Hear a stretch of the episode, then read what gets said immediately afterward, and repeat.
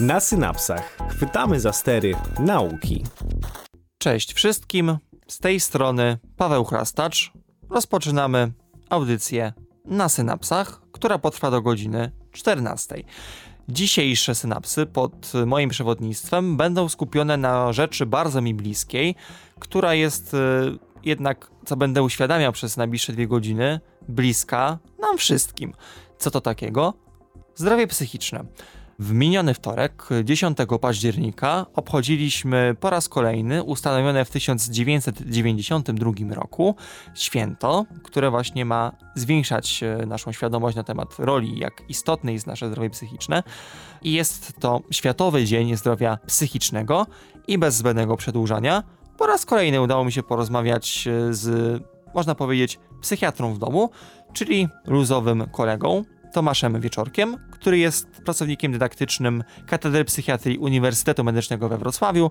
E, wkrótce jego doktora też powinien już być e, obroniony, także za, za to też możemy trzymać kciuki. No i Tomek e, będzie dzisiaj takim przewodnikiem, który dostarczy Wam troszeczkę naukowej, takiej bardzo przydatnej wiedzy na temat tego, jak ważne jest to, co się w tych naszych umysłach dzieje.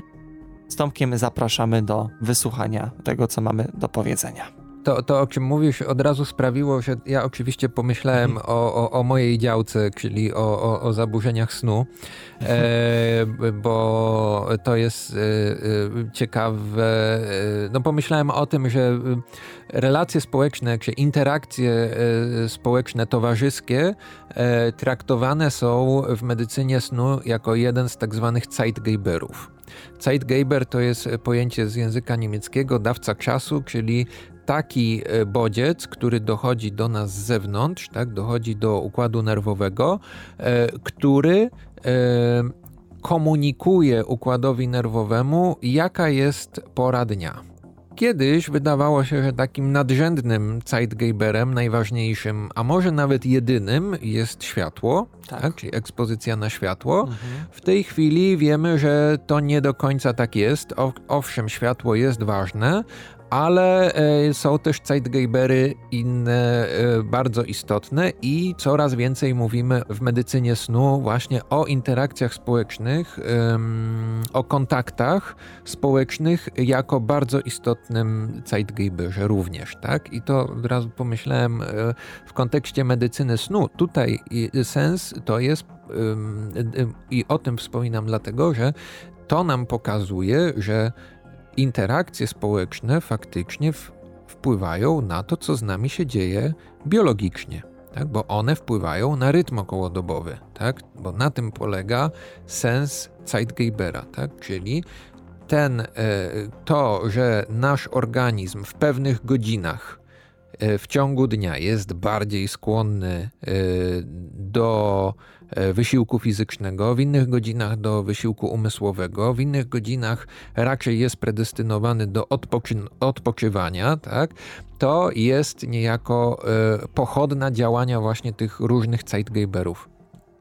I tutaj mówimy o tym, że to działanie społeczne, interakcje społeczne są bardzo istotne i mogą wpływać pozytywnie, tak? Czyli to, w jakich godzinach mamy kontakty społeczne, będzie wpływać na rytm okołodobowy.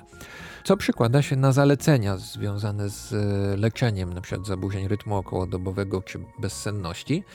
Ale wychodząc poza tylko rozumienie, rozumienie w kontekście medycyny snu, tak, no, y, to, to, to działa y, też w dwie strony, mm -hmm. tak. E, mamy, mamy takie zjawisko jeszcze na, wracając do tej medycyny snu dosłownie na moment i zaraz się odczepię, ale muszę to powiedzieć, mamy jeszcze coś takiego jak social jet lag, tak? Czyli tak. też no, pojęcie i zjawisko, które na dobrą sprawę jest badane szerzej dopiero od kilku lat, mam wrażenie. E, social jet lag po, polega na tym, że e, jak przychodzi weekend albo dzień wolny, to nasze funkcjonowanie okołodobowe różni się E, bardzo mocno od funkcjonowania w tygodniu pracy, nazwijmy to. Tak? Czyli y, to na przykład w dużej mierze dotyczy właśnie osób młodych, y, grup studenckich, tak? E, które w weekendy imprezują i, e, i w związku z tym e, chodzą później spać. I to przesunięcie fazy snu e, będzie istotnie wpływać na samopoczucie, nie tylko na jakość snu, ale na samopoczucie w ciągu Tak. dnia i na ogólny stan zdrowia. Bo jak Tak. się okazuje, w niektórych badaniach social jetlag jest e, czynnikiem ryzyka e, zaburzeń, też jakby nie tylko związanych ze snem i z psychiką, ale Tak. takich I ogólnozdrowotnych. tu chcę wbić jeszcze małą szpileczkę, bo powiedzmy, że tutaj widzę e, w miarę konkretnie, e, że to skończymy.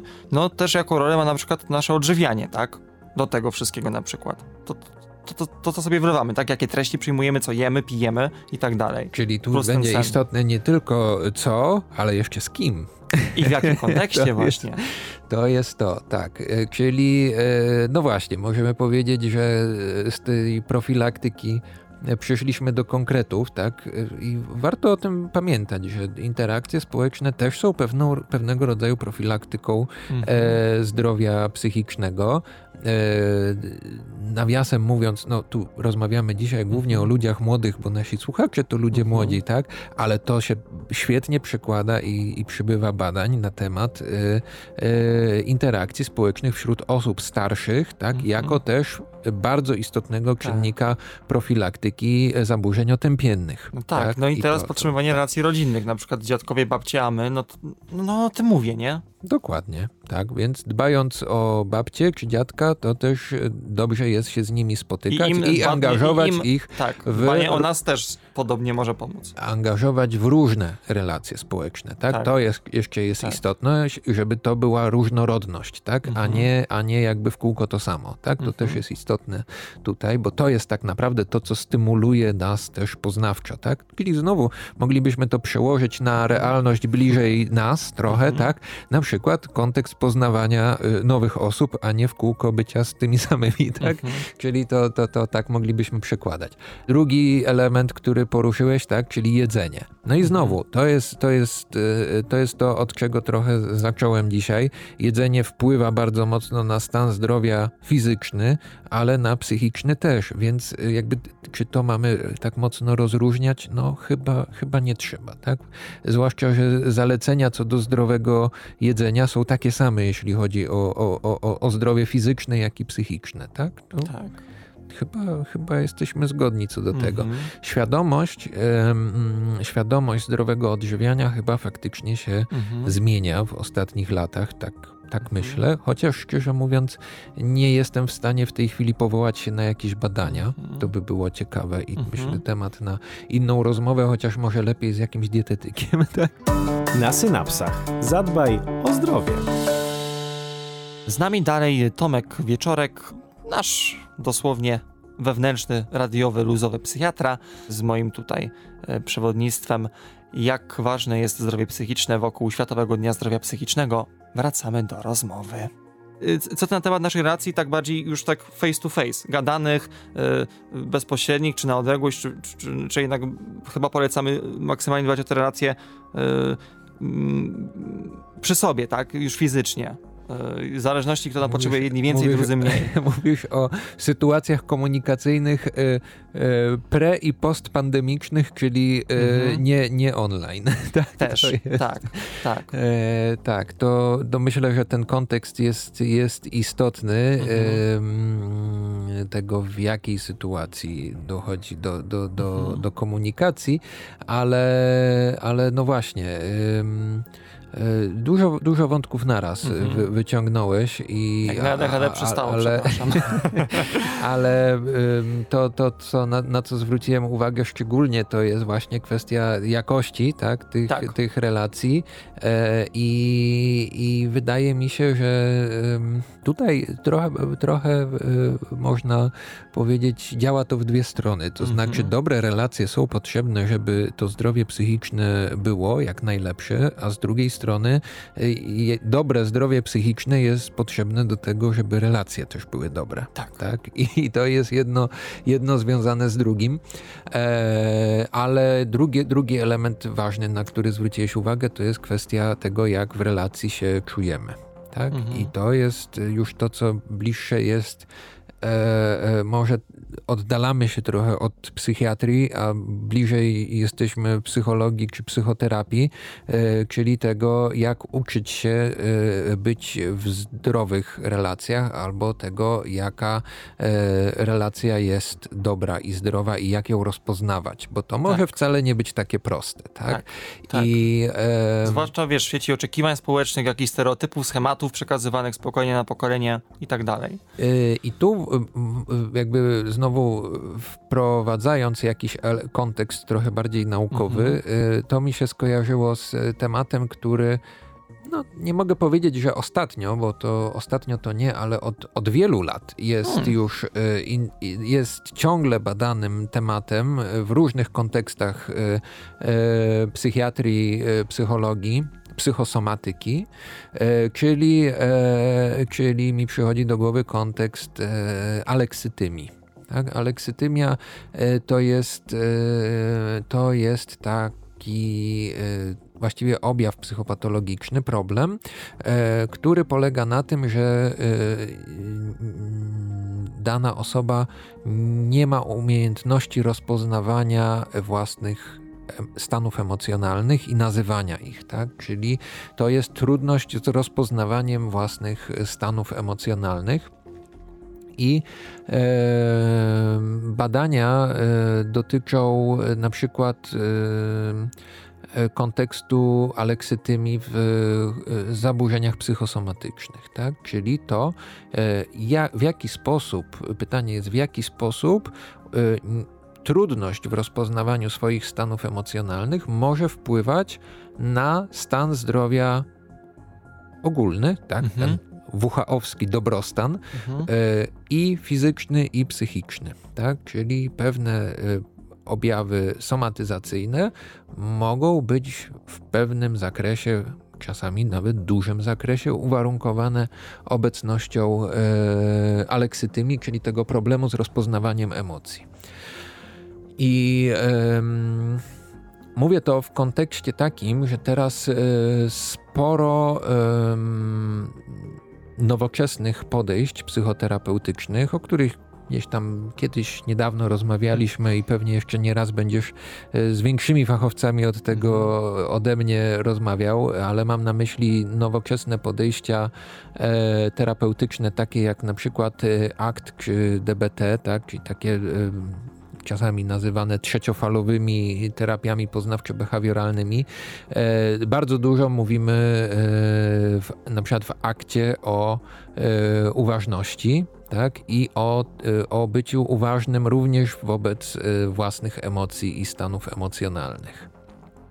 I myślę, że to jest e, bardzo dobry element profilaktyki i tego, e, żebyśmy na to zwracali uwagę i, i uczyli się tego, e, jak rozpoznawać własne emocje, bo to nie jest coś, to nie jest coś, z czym się rodzimy, to nie jest coś, co jest nam dane.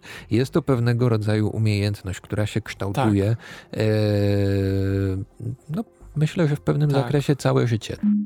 Nauka bez tajemnic. W akademickim Radiu Luz. Kontynuując wątek zdrowia psychicznego i jak ważna jest e, ta kwestia dla nas wszystkich, e, skupimy się na temacie, który jest troszeczkę bardziej niszowy i jest to też e, w naukowych zainteresowaniach e, Tomka.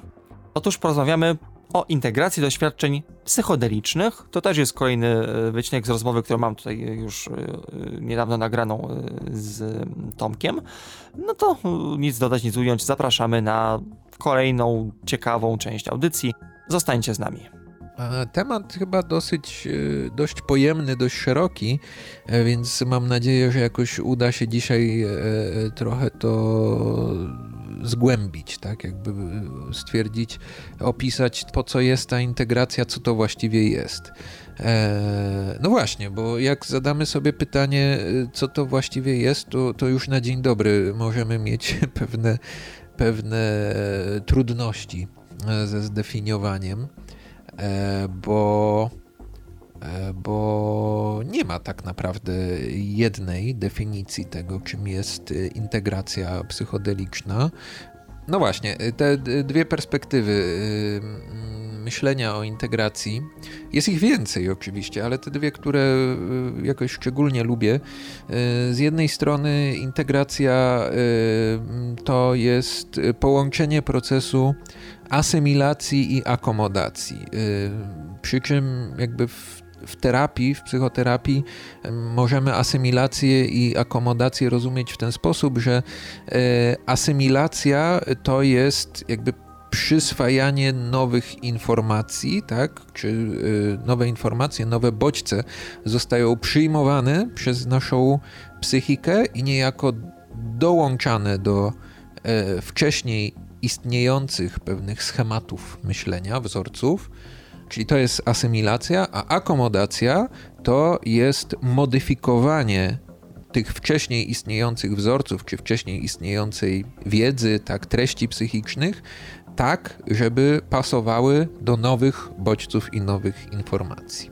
Tak? Czyli podsumowując, w tym myśleniu integracja jako proces asymilacji i akomodacji pozwala na przyjęcie nowego jakiegoś materiału, nowych bodźców i jednocześnie zmianę tego, co było wcześniej w naszej psychice, właśnie w oparciu o te nowe treści i nowe bodźce. Tak? Czyli pewnego rodzaju takie adaptowanie się tak, do, do, do nowe, nowej sytuacji. No i w integracji będziemy skupiać się na tym, e, żeby e, to jest niejako naszym celem, żeby ten proces był w miarę trwały, tak? Czyli chodzi nam o to, żeby te zmiany, które wprowadzamy, były jak, naj, jak najtrwalsze. E, drugi, drugi sposób myślenia o integracji pojawił się w, w jednej z takich ważniejszych publikacji, która e, zestawiała różne e, sposoby pracy integracji, myślenia o integracji, pewne formaty integracji. Praca, praca um, ukazała się w języku angielskim, ale tam moglibyśmy, no, kusząc się o tłumaczenie tej definicji na język polski, stwierdzić, że e, integracja jest pewnego pewnego rodzaju mostem czy pomostem e, pomiędzy doświadczeniem psychodelicznym a naszą codziennością czy codzienną rzeczywistością. E, I ten pomost e, pomaga nam nadać osobisty sens doświadczenia, prowadząc do trwałej zmiany danych postaw lub zachowań oraz poczucia spełnienia. Tak? To taki szeroka definicja. Trochę wydaje mi się, zwłaszcza w tym ostatnim aspekcie tego poczucia spełnienia czy poczucia dobrostanu, nawiązująca w ogóle do, do koncepcji zdrowia, definicji zdrowia e, według WHO. E, czyli tutaj w tej definicji zwracamy uwagę na to, że integracja jest e, procesem, który ma na celu zmianę naszych postaw lub zachowań w miarę trwałą, tak, ale ta zmiana no, ma wspierać dobrostan. Tak? I to, to jest to, i oczywiście to, co integrujemy, to jest treść, która pojawiała się e, w doświadczeniu e, psychodelicznym, no bo o tym, o tym dzisiaj mówimy. Tak? Y, dobry moment na wstępie to, to wyjaśnić, tak, czemu, czemu ja o tym mówię w ogóle, bo z jednej strony tak, no jestem domowym psychiatrą, ale radiowym, ale no jednak nie każdy psychiatra wypowiada się w tej chwili o o integracji psychodelicznej. Ja, ja to robię dlatego, że sam się, sam się szkolę w tym zakresie i to jest coś, co, czym się zajmuję. I, i, i, i to no myślę, że jakoś y, trochę chociaż mnie usprawiedliwia, czemu zabieram się za ten temat, e, który wydaje się, że w praktyce, nawet patrząc nie tylko na Polskę, ale, ale cały świat, y, temat integracji może jest trochę bliższy e, psychoterapeutom niż psychiatrom. No ale ja się jednak y, czuję trochę tym, trochę tym już w obecnej chwili. Pobudzamy wasze synapsy na 91 i 6 FM. Myślę, że skończmy jeszcze teraz ten temat, czym właśnie nie jest integracja doświadczeń psychodelicznych. Integracja y, to przynajmniej z czym się spotkałem, tak? Można yy, spotkać się czasami z pytaniami, czy trip sitting to jest y, integracja, tak? No, no nie, nie, to nie jest to, nie jest to samo. Trip sitting tutaj byłby rozumiany jako towarzyszenie osobie, która ma doświadczenie psychodeliczne, tak? I to nie jest integracja. Tak? Tu jakby w, jeżeli ktoś e, e, w Polsce e, oferuje usługę integracji doświadczenia psychodelicznego, to nie polega ona na tym, że jest to trip sitting. Tak? Czyli mówimy tu raczej o procesie, który ma miejsce później. Tak? I to myślę, że ważne, żeby e, to odróżnić. E, drugi aspekt jest taki, że integracja doświadczenia psychodelicznego to też nie jest to samo, co terapia wspomagana psychodelikami, czy psychoterapia wspomagana psychodelikami. Tu różnica jest taka, że yy, psychoterapia wspomagana psychodelikami ma jednak pewien yy, założony schemat, tak? ma pewien y, przebieg od początku do końca określony i y, sesje, w których używa się substancji psychodelicznej w trakcie takiej terapii Mm, są e, zaplanowane, e, ale jednocześnie one odbywają się tylko raz na jakiś czas. Oprócz tego ta terapia jest przeplatana innymi sesjami, sesjami przygotowującymi, później sesjami właśnie integrującymi. Czyli integracja e, doświadczenia psychodelicznego jest częścią psychoterapii wspomaganej psychodelikami, ale to nie są synonimy, tak? I to też ważne, znowu wracając do kwestii prawnych, ale też i kwestii praktycznych, w tej chwili yy, no, w większości krajów na świecie mówimy o psychoterapii czy terapii wspomaganej psychodelikami w kontekście prowadzonych badań klinicznych, tak? Czyli mówimy o settingu badawczym, gdzie naukowcy zajmują się badaniem tego, czy tego rodzaju terapie i stosowanie substancji psychodelicznych może pomóc w leczeniu różnych e, zaburzeń psychicznych. E, I wtedy traktujemy tą integrację jako element tego e, procesu. To już chyba powtórzę te informacje, rozmawialiśmy o tym ostatnio, tak, że teraz wyróżnia się przede wszystkim stan Oregon w Stanach Zjednoczonych i Australia, tak, jako kraje, które jako pierwsze, można powiedzieć, zalegalizowały terapię, czyli nie mówimy już tylko o mm, zastosowaniu badawczym, o badaniach klinicznych nad y, na przykład psylocybiną, tylko już mówimy o y, umożliwieniu prowadzenia takiej terapii po prostu jakby w zastosowaniu klinicznym, nie tylko w sensie badania naukowego, tak? Ale to jest etap, którego w Polsce na ten moment nie mamy.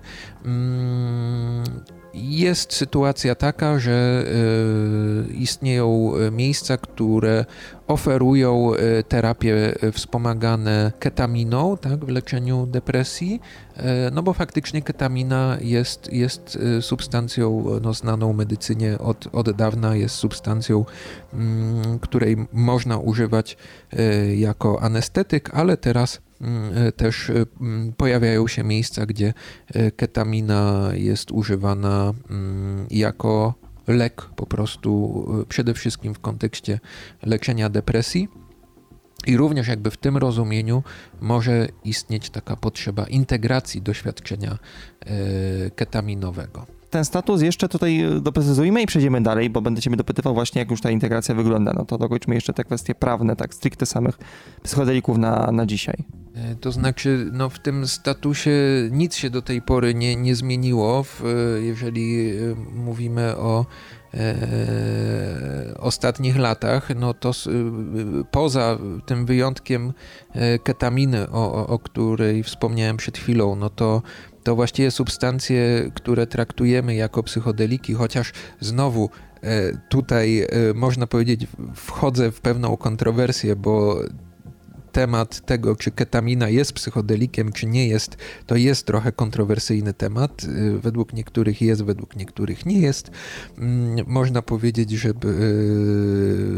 terapeuci, którzy prowadzą terapię z wykorzystaniem ketaminą, raczej są skłonni twierdzić, że jest a z punktu widzenia takiego czysto neurobiologicznego, czy, czy y, wpływu na jakieś receptory, procesy w mózgu, e, no to jednak ketamina działa inaczej niż, e, niż e, klasyczne psychodeliki. W związku z tym czasami no tu jest taka kontrowersja i stanowisko, że ketamina nie jest psychodelikiem.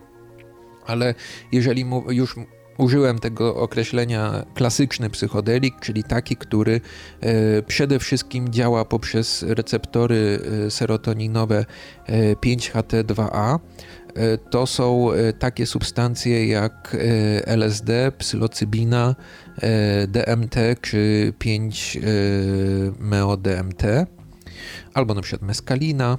Te wszystkie substancje to są substancje, które e, są e, zaklasyfikowane w e, polskim prawodawstwie jako substancje z grupy 1P, tak, czyli to są substancje, których posiadanie jest zabronione, obrót tymi substancjami jak najbardziej też i są to substancje, które jakby przez to, że są w grupie 1P, możemy rozumieć, że to są substancje, które nie mają e, potencjalnych zastosowań medycznych i mają wysoki potencjał uzależniający. Tak? No i tu jakby można powiedzieć, że w oparciu o to, co pokazują mm, badania no, napływające z całego świata, e, ten status prawny e, jest co najmniej dyskusyjny. Tak, obecnie, z obecnego punktu widzenia, no bo, e, bo raczej trudno powiedzieć o tym, że e,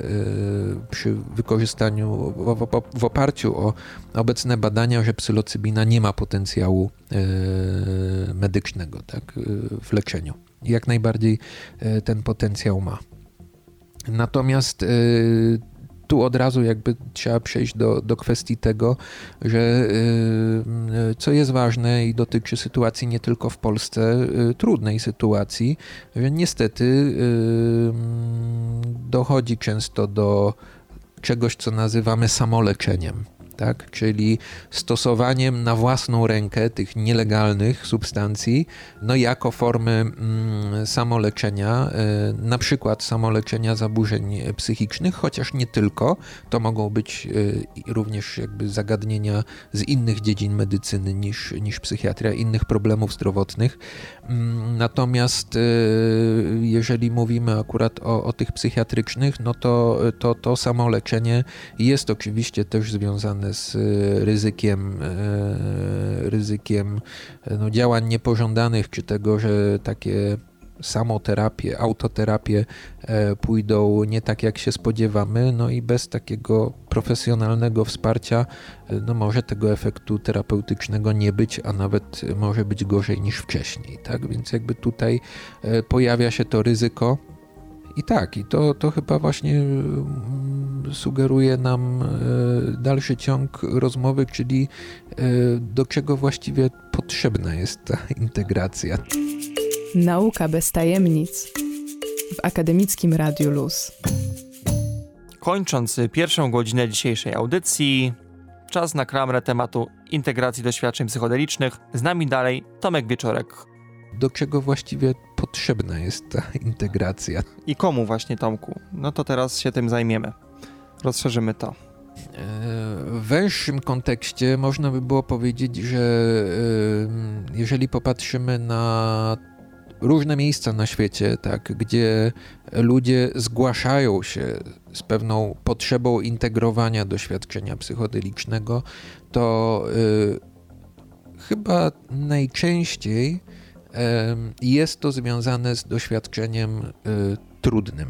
tak? doświadczeniem, e, które sami pacjenci określają jako negatywne, tak? E, ciężkie, czy takie, które wręcz no właśnie doprowadzają do tego, że e, stan danej osoby po przyjęciu substancji jest jeszcze gorszy niż stan wyjściowy, tak? Mm, przynajmniej w takiej subiektywnej ocenie.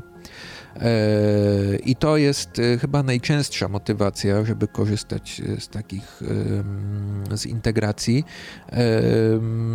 Mogą czasami się pojawiać inne motywacje, niekoniecznie związane z tym, że faktycznie doświadczenie było jakieś bardzo negatywne, czy, czy bolesne, trudne, związane z negatywnymi emocjami. Czasami może być sytuacja, kiedy raczej jest to doświadczenie z jakiegoś powodu zaskakujące zaskakujące, tak? Czy wydarzyło się coś w tym doświadczeniu, co jest e, e, niespodziewane, co odsłoniło jakieś e, procesy psychiczne u danej osoby i nie wiadomo teraz, co z tym zrobić. Tak? Czasami używamy takiego określenia jak szok ontologiczny, czyli nagle zdajemy sobie sprawę z tego, że coś w rzeczywistości, która nas otacza, nie jest takie, jak się wcześniej wydawało tak? I, e, no i ten szok, myślę, że to określenie szok jest bardzo adekwatne, e, no może się oczywiście w konsekwencji wiązać z różnymi emocjami, również negatywnymi.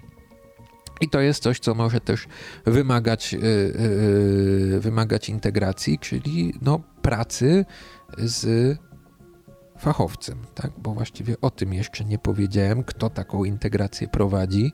Tak? Raczej y, przyjmujemy, że taką integrację y, prowadzą osoby, które pracują w branży zdrowia psychicznego, mogą reprezentować różne grupy y, zawodowe. To mogą być y, psychiatrzy, psycholodzy, y, psychoterapeuci, terapeuci uzależnień. Natomiast generalnie to są osoby związane z branżą zdrowia psychicznego, no przy czym wskazane jest, żeby miały kompetencje tak, w zakresie prowadzenia takiej integracji, bo jest to jednak e, trochę inny sposób pracy mm, z, z pacjentami niż e, to, co się robi na co dzień. I tu też jakby zahaczamy tak właściwie o poprzednie pytanie. Twoje, czym integracja nie jest, tak? I jeszcze jednej rzeczy właściwie trzeba powiedzieć. Integracja nie jest psychoterapią to nie są też synonimy, bo y, w psychoterapii raczej mówimy o e, pewnym e, dłuższym procesie, tak? o pewnych celach terapeutycznych, e, które mają być osiągnięte w czasie. No i co za tym idzie, psychoterapia też ma wykorzystywać pewnego rodzaju metody. Z reguły integracja jest procesem krótszym, który jednak przede wszystkim skupia się na przeżytym doświadczeniu psychodelicznym, tak? I znowu bardzo często jest tak, że integracja będzie częścią procesu psychoterapii, bo na przykład osoba, która nigdy nie korzystała z psychoterapii, skorzysta z integracji, a po tej integracji na przykład będzie mieć motywację do e, podjęcia psychoterapii. Albo w drugą stronę może się wydarzyć tak, że ktoś korzystał z psychoterapii, miał doświadczenie psychodeliczne i korzysta e, z psychoterapii dalej po integracji. Tak też jak najbardziej e, może być. I to co, e, to, co tutaj jest ważne, to jest to, że to nie do końca też jest psychoterapia. To są trochę inne sposoby pracy i trochę jest inne tempo pracy. Tak? Można powiedzieć, że w integracji pracujemy nad bieżącym problemem, który gdzieś wypływa z doświadczenia psychodelicznego i pomagamy opanować na szybko to, co się dzieje, jednocześnie pracując tak, żeby te zmiany były możliwie jak najbardziej trwałe. W czym trochę nam pomaga element neurobiologiczny działania, e, działania psychodelików, które jednak promują neuroplastyczność, więc niejako poprzez promocję tej neuroplastyczności sprawiają, że e, może być łatwiej tak, wprowadzić pewne zmiany w działaniu sieci neuronalnych w trakcie integracji psychodelicznej. Nauka bez tajemnic. W akademickim Radiu Luz. Rozpoczynamy drugą godzinę dzisiejszego wydania popularno-naukowej audycji na synapsach. Z wami bez zmian Paweł Chrastacz.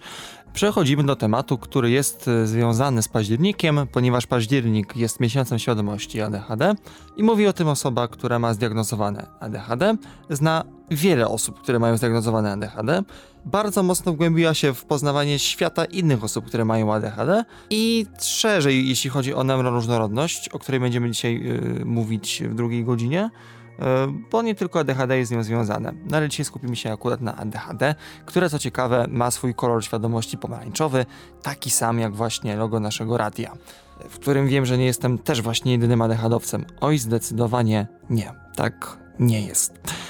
O samym ADHD i neuroróżnorodności posłuchamy sobie rozmowy, którą miałem bardzo, bardzo ogromne szczęście przeprowadzić z dr Anną Anzurewicz, która jest psycholożką, kognitywistką, ma wykształcenie najpierw z Uniwersytetu Jagiellońskiego do doktoratu, teraz pracuje na Uniwersytecie Warszawskim. Tutaj mogę też zdradzić, że w przyszłym roku prawdopodobnie właśnie wokół ADHD i ani coś też fajnego się zadzieje. A tematu nie wyczerpiemy, temat jest szeroki. Mamy go tutaj bardziej ze strony psychospołecznej, bo kwestia na przykład farmakoterapii ADHD, no to jest temat na inną rozmowę i z pewnością pewnością jeszcze do tego tematu jako ADHDowiec we własnej osobie i który codziennie od prawie dwóch lat, w tym dzisiaj jest właśnie e, wspomagany farmakoterapią e, w tym kierunku. Powiem, powiem, powiem. Dobrze, do brzegu zaczynamy rozmowę z Anią. Jak to się zaczęło? Kto w jaki sposób na coś takiego wpadł, że, że, że, może w ten sposób warto na część ludzi spojrzeć? E, historia jest dosyć e, długa. Tutaj znowu postaram się podsumować. E, zwłaszcza w kontekście tego, że możemy gdzie niegdzie usłyszeć, że obecnie jest tutaj w cudzysłowie moda na ADHD, coś, czego nie było wcześniej i że, no nie wiem, mm, czasami tutaj pojawia się również takie domniemanie, że tu sobie coś wymyślamy, żeby uzasadnić to, że tak naprawdę jesteśmy leniwi, nieogarnięci i no i nie chcemy się starać, tak jak reszta społeczeństwa, nie? Cóż, jeśli się słyszy przez całe życie albo przez większość życia jakieś takie teksty typu no, no, no, taki zdolny, e, ale leniwy, nie? E, albo, że możesz osiągnąć to i tamto, tylko jeśli się postarasz, albo jeśli się skupisz na tym jednym kierunku studiów, a nie będziesz zaczynać tych pięciu, to na pewno ci się uda. Dla większości osób być może to jakoś działa, no ale dla osób neuroróżnorodnych bardzo często nie. E, I teraz y, tutaj może zaczynając od tej, od tej historii, to nie jest tak, że ADHD to jest jakiś nowy wymysł. Objawy takie, które dzisiaj byśmy nazwali ADHDowymi, one po raz pierwszy zostały opisane w literaturze jeszcze w XVIII wieku, 1875, e, przepraszam, 1700, 1700, tak, 18, 1700, 1700, 1700. W każdym razie to będzie już, no z grubsza 250 lat. Natomiast oczywiście kryteria diagnostyczne bardzo mocno się zmieniały przez lata i tutaj też e, jakby nie chcę z tego robić audycji historycznej, tylko może jako ciekawostkę powiem, powiem tyle, że jeszcze w latach 40. XX wieku te objawy, które obecnie, czy te cechy, które obecnie byśmy tutaj e, no, powiedzieli, że są typowe dla ADHD, były klasyfikowane jako uwaga, uwaga, minimal brain damage, czyli takie minimalne, tak, niewielkie uszkodzenie mózgu, co sugerowało, że tutaj te osoby, dzisiaj powiedzielibyśmy z ADHD, mają no, jakiś po prostu deficyt na poziomie mózgu, tak? Tutaj zakładam, że um, chodziło o te trudności w zakresie funkcji wykonawczych, tak, czyli czy też funkcji zarządczych. Kryteria diagnostyczne, podobnie jak y, w w różnych innych przypadkach. Tak? Tutaj mówię o ADHD, natomiast e, no, podobnie było w przypadku spektrum autyzmu. Na, nawiasem powiem, że właśnie jeszcze w latach 40. znany, sławny, niesławny Hans Asperger pisał o autystykach um, psychopatem. Trochę to brzmi niepokojąco um, dzisiaj. Podobnie było właśnie z ADHD i ta droga od tego właśnie minimal brain damage do obecnej klasyfikacji, e, w której e, po prostu rozróżniamy różne podtypy ADHD to nie jest tak, że mm, po prostu wszyscy o, ludzie z ADHD wyglądają tak samo. To nie jest tak, jak no, czasami podpowiada takie społeczne wyobrażenie, że to są rozbrykani chłopcy, e, właśnie gdzieś tam skaczący po ławkach, e, zaczepiający ludzi i krzyczący głośno, no bo to mogą być e, no, bardzo różne osoby. Co więcej, nie wszystkie osoby z ADHD muszą mieć ten komponent właśnie takiej nadruchliwości, tak? tej nadpobudliwości takiej, którą widać na zewnątrz. Żeby zdiagnozować ADHD, wystarczy mieć nasilony ten komponent związany z deficytem koncentracji uwagi, i cóż, to jest coś takiego, co jest trudno zauważyć bardzo często, nawet u dzieci, zwłaszcza jeśli to są dzieci, które są albo wysoko inteligentne, albo są to dziewczynki, u których dużo rzadziej diagnozuje się y, i ADHD, i spektrum autyzmu też, y, dlatego że no, trochę inaczej manifestują i trochę inaczej pokazują się u nich te cechy neuroróżnorodności, ale druga sprawa jest taka, że no po prostu dziewczyny lepiej się maskują. Tak, bo są, mówimy o tym tak w psychologii, że są socjalizowane do tego, żeby bardziej e, tutaj odpowiadać na jakieś potrzeby takie społeczne.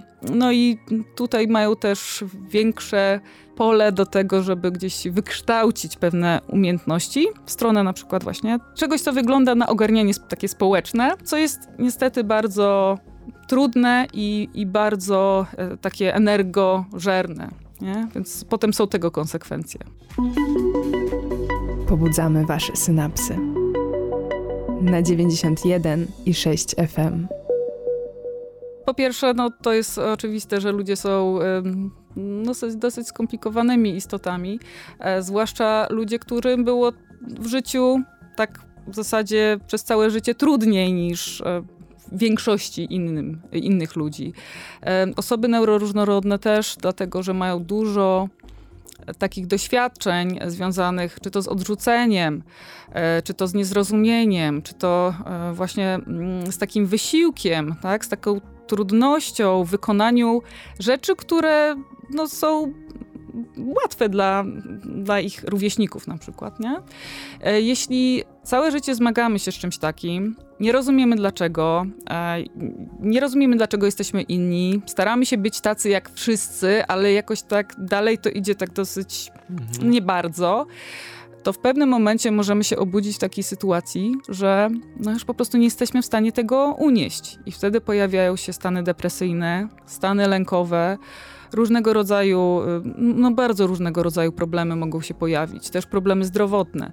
Do mnie najczęściej trafiają osoby, które, no, które mają za sobą po kilka, po kilkanaście epizodów depresyjnych, zaburzenia lękowe, które przez całe życie albo przez znaczną część życia ich im towarzyszą. E, I dopiero po tej diagnozie neuroróżnorodności zaczynamy dochodzić do tego, ok, to skąd się wzięły te te problemy. Nie? Tak, Bo co się w tym zestawie nazbierało, tak. tych różnych e, tak. składników. Bo to już taka przykrywka, to już tak. e, po prostu ta, chciałam powiedzieć, wisienka na, na, na burgerze. Tak, patyczek na burgerze właśnie przyniosłem. Tak, patyczek, patyczek na burgerze. Tak, a to wszystko, co jest w środku, te wszystkie warstwy, to jest to, co właśnie narastało. I jeszcze jedna rzecz mi tutaj narosła właśnie e, w moich myślach e, podczas tego wyjaśnienia, która jak na ADHD zginęła, ale moment, moment to wróci.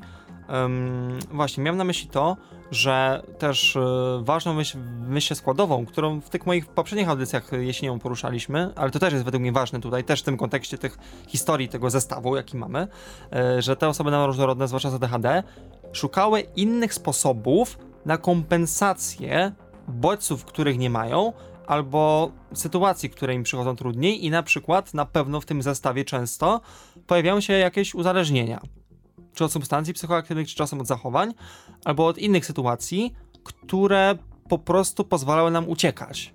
Tak, no jeśli pomyślimy e, od takiej strony właśnie e, funkcji tego czasem to nazywamy autoterapią, tak? To sięganie po substancje psychoaktywne, e, uzależnienie behawioralne, tak? Czyli na przykład gry komputerowe, to Kompulsywne wydatki, zachowania relacyjne być, i tak dalej, i tak dalej. Sporty ekstremalne też to mogą być. E, no, to mogą być bardzo, bardzo różne rzeczy, tylko chodzi o to, że tutaj funkcja jest jedna. Właśnie to jest e, złagodzenie tego, tego lęku, można powiedzieć trochę zmniejszenie tego bólu, który ciągle towarzyszy, w związku z tym, że no, czujemy się nieadekwatni, tak? czujemy się jacyś inni, odizolowani.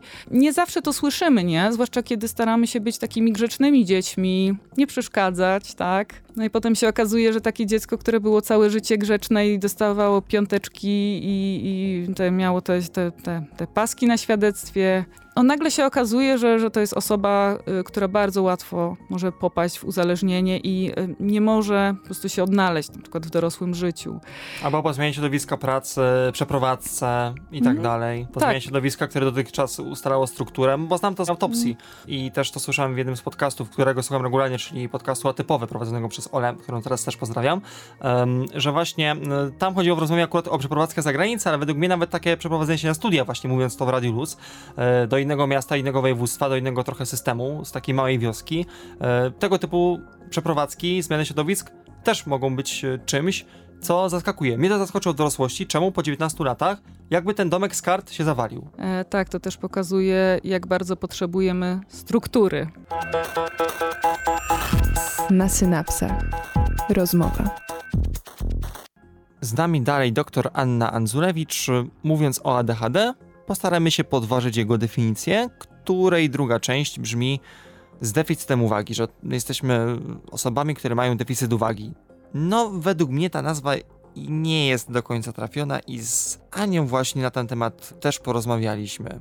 Bardzo się cieszę, że poruszyłeś ten temat. Ja bardzo nie lubię tego sformułowania deficytu ja uwagi. Ja też powiem ci, nie polubiłem tego. ADHD to nie jest problem deficytu uwagi, tak. Tej uwagi aż jest za dużo problem y, dotyczy regulacji. To trochę tak, mhm. tak, jak mówiliśmy o tym, że to nie jest trudność, y, nie wiem, z planowaniem tego, co mhm. mamy zrobić, tylko z wykonaniem. Mhm. Tutaj podobnie. To nie jest tak, że tej uwagi mhm. nie ma, czy jest za mało. No, po prostu trudno zdecydować, nawet na takim poziomie nieświadomym, co z tą uwagą zrobić. Jeśli masz, nie wiem, 50 bodźców, które naraz e, tak. docierają do, twojego, do tak. twoich systemów tak. sensorycznych, które musisz przetwarzać i nie jesteś w stanie selekcjonować, które z nich są ważne w tym momencie, a które nie są ważne tak. no to masz tendencję do dzielenia tej uwagi, tak. można powiedzieć tak, no tak upraszczając trochę, dzielenia tej uwagi na te różne rzeczy. I teraz, jeśli nie wiesz, które z nich, czy nie czujesz, tak, które z nich są ważniejsze od innych, no to jakby wiadomo będzie, że je pominiesz prawdopodobnie, no bo, mhm. no bo te, które powinny dostać więcej uwagi, tej uwagi nie dostaną. Stąd y, to taka, taka, taka podatność na dystrakcję, która bardzo jest typowa e, w ADHD. To też ma związek oczywiście z tą pogonią myśli, to co się czasem nazywa obrazowo radiem w głowie, tak? gdzie mamy różne stacje, które naraz nadają i my słuchamy ich wszystkich naraz. Tak. Nie? Albo jakiś jeden dźwięk e, nam przykuje uwagę, bo tutaj od razu rozwijamy kwestię, którą też i ostatnio na synapsach poruszałem słusznie z moją tutaj znajomą już e, ADHD-ową studentką architektury, że mm, pamiętajmy o tym, że u neuroróżnorodnych my też mamy bardzo zróżnicowaną wrażliwość na bodźce. Możemy być nadwrażliwi albo niedowrażliwi i dotykiem, ale też na zapachy, na smaki, na dźwięki, no właśnie kontakt wzrokowy. Jakbyśmy do tego samego zadania potrzebowali więcej rok. Dwie ręce to za mało czasem. Ale pięknie to powiedziałeś. Ja czasem mam poczucie, że my mamy te macki, tylko że te macki mm, mają ograniczone możliwości. Tak. To znaczy one potrafią przyciągać rzeczy, tak. ale jak trzeba coś złapać, tak. podpisać, nie wiem, tak. ogarnąć. Nie puścić, nie. nie zrzucić, bo pamiętajmy, że tutaj też często z koordynacją ruchową może mieć jakieś y, częste sytuacje, że to nie jest regułą, ale widzę tutaj tendencję, że często to są osoby tak jak ja, które potrafiły no, nie brylować na WF-ie, że z jednej strony ten brak, brak priorytetyzacji może przeszkadzać w strukturze rzeczy, ale z drugiej strony jak mamy dużo nowych bodźców, dużo tematów, tak jak tutaj w radiu, w dziennikarstwie, temacki dają nam bardzo szybką możliwość adaptacji do nowych warunków, do nowych bodźców, że nas tak nie przeraża, jeśli coś nas interesuje, bo tak mówiąc w dziennikarstwie, dla mnie zaletą jest tutaj to, że jak mam temacki, to nie ma tematów mniej lub bardziej interesujących. Pobudzamy wasze synapsy na 91 i 6 FM. Nawiązuje do tego, co to jest w nas, w tych ADHD-owcach takiego, nie? Że od słów do czynów u nas tak łatwo nie jest. No tak, to jest bardzo ciekawe zagadnienie, dlatego że bardzo wiele osób e, tutaj z ADHD to są osoby, które są mistrzami planowania. Potrafią zaplanować wszystko w szczegółach. Gdybyście weszli nasze myśli, to naprawdę by, by Jacek Gmok byłby dumny z tych Tam wszystkich rysunków, strategii, naprawdę. Wszystko jest pięknie wymyślone. Znamy wszystkie techniki e, zarządzania sobą w czasie, ogarniania rzeczywistości. Nie? Po prostu możemy się Narzędzia, doktoryzować. aplikacje i tak dalej, wszystko wiemy. Możemy się doktoryzować w tych narzędziach. Albo co gorsza, a co lepsza, hehe, być doskonałymi doradcami, doradczyniami dla innych. A to jest bardzo dobra ścieżka Mhm. kariery, polecam. Mhm. No. E, tak, natomiast problem pojawia się wtedy, kiedy od tych planów trzeba przyjść do czynów i wtedy natychmiast pojawia się blokada. To też wiąże się z bardzo specyficznym funkcjonowaniem takiego ADHD-owego mózgu. Też em, mamy takie badania właśnie z zakresu neuronauk, które pokazują, że faktycznie funkcjonowanie tych obszarów przedczołowych u osób z ADHD to są obszary, które są odpowiedzialne za takie funkcje poznawcze, właśnie jak kontrola, tak nazywamy tą kontrolą poznawczą, czyli hamowanie, monitorowanie tak, y, różnych zadań, pamięć robocza. Tak, to są takie aspekty funkcjonowania poznawczego, które u osób z ADHD no, działają gorzej i widzimy to mm, właśnie też w funkcjonowaniu mózgu. Konsekwencje są takie, że niewspomagani z- zewnętrznie, tak, strukturą albo wsparciem innych osób, albo farmakologicznie, możemy nie być w stanie zrobić absolutnie nic, e, nie zrealizować ani pół e, kroku z tego naszego e, Grand Master Planu pieczołowicie sporządzonego. Co prowadzi oczywiście no, do frustracji, do takiego poczucia, że to ja jednak nie mogę, ja nie potrafię, ja jestem gorsza, gorszy, nie? no. Co jest ze mną nie tak? Tak. I też wrócę do jednego z cytatów e, z naszych tutaj, teraz też pozdrowionych e, grupek e, messengerowych ADHD-owych, że u nas często mamy tak zwane wbudowane poczucie winy w nas. No, z tym poczuciem winy to też jest trochę szersza sprawa. To samo obwinianie się i Mhm. zwłaszcza za to niedowożenie pewnych efektów, um, u podłoża tego nie leży neuroatypowość, u Mhm. podłoża tego leży takie właśnie kapitalistyczne podejście Mhm. do tego, co powinniśmy, a co, czego nie powinniśmy. I teraz to znowu, to jest jakiś ele- element struktury społecznej, gospodarczej, tak? Tak? No i też sieci rodzinnych tak Politycznej. samo, które też są w tym wszystkie wymieszane. To wszystko jest y, ze sobą połączone. Mhm. I teraz osoby, które sobie gorzej radzą z taką strukturą, na wstępie mają po prostu, nie powiem, że przekichane, no ale blisko. Dodamy do tego jeszcze ten pruski system edukacji, gdzie albo masz rację, tak, albo się nauczysz i powiesz, albo nie, się nie odzywaj, bo najgorsze to jest popełnić błąd. Więc to też jest taki element kontekstu.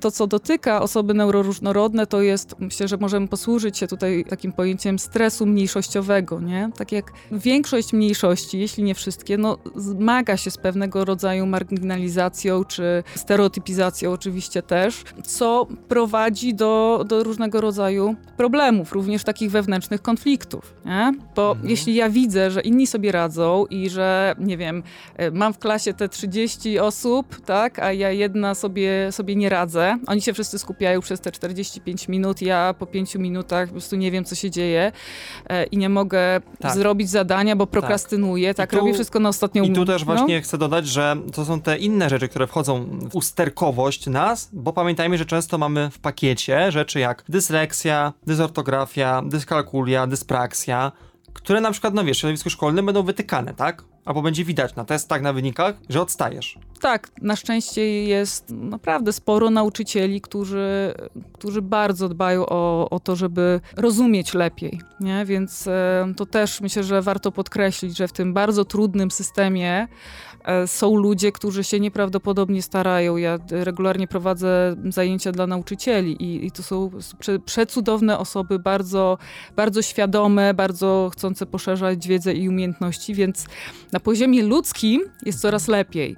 E, Tu na poziomie systemowym jest duża trudność e, i ta trudność na poziomie systemowym właśnie się potem przekłada na to, różne rzeczy są trudniejsze, to jedno, ale, ale dwa, że właśnie ten lęk, to przewidywanie porażki, ono jest takie bardzo mocno właśnie mówimy zinternalizowane, dlatego że mieliśmy takie wczesne doświadczenia w swoim życiu, gdzie na przykład ktoś nas karał za to, że popełniliśmy błąd. Bardzo szybko dochodzimy do tego momentu, że już nie potrzeba nam żadnych zewnętrznych systemów karzących, bo my sobie internalizujemy tego, tak. tego karzącego, tego no, pruskiego nauczyciela. Tak. tak? I że my nie musimy się nad tym zamartwiać, tylko to jest Mhm. ten tryb domyślny. Nie musi być bodźca, myśl jest wystarczającym bo- tak, bodźcem, tak. a myśli w, w głowach ADHD-owych jest Mhm. e, no, zdecydowanie dużo, tak?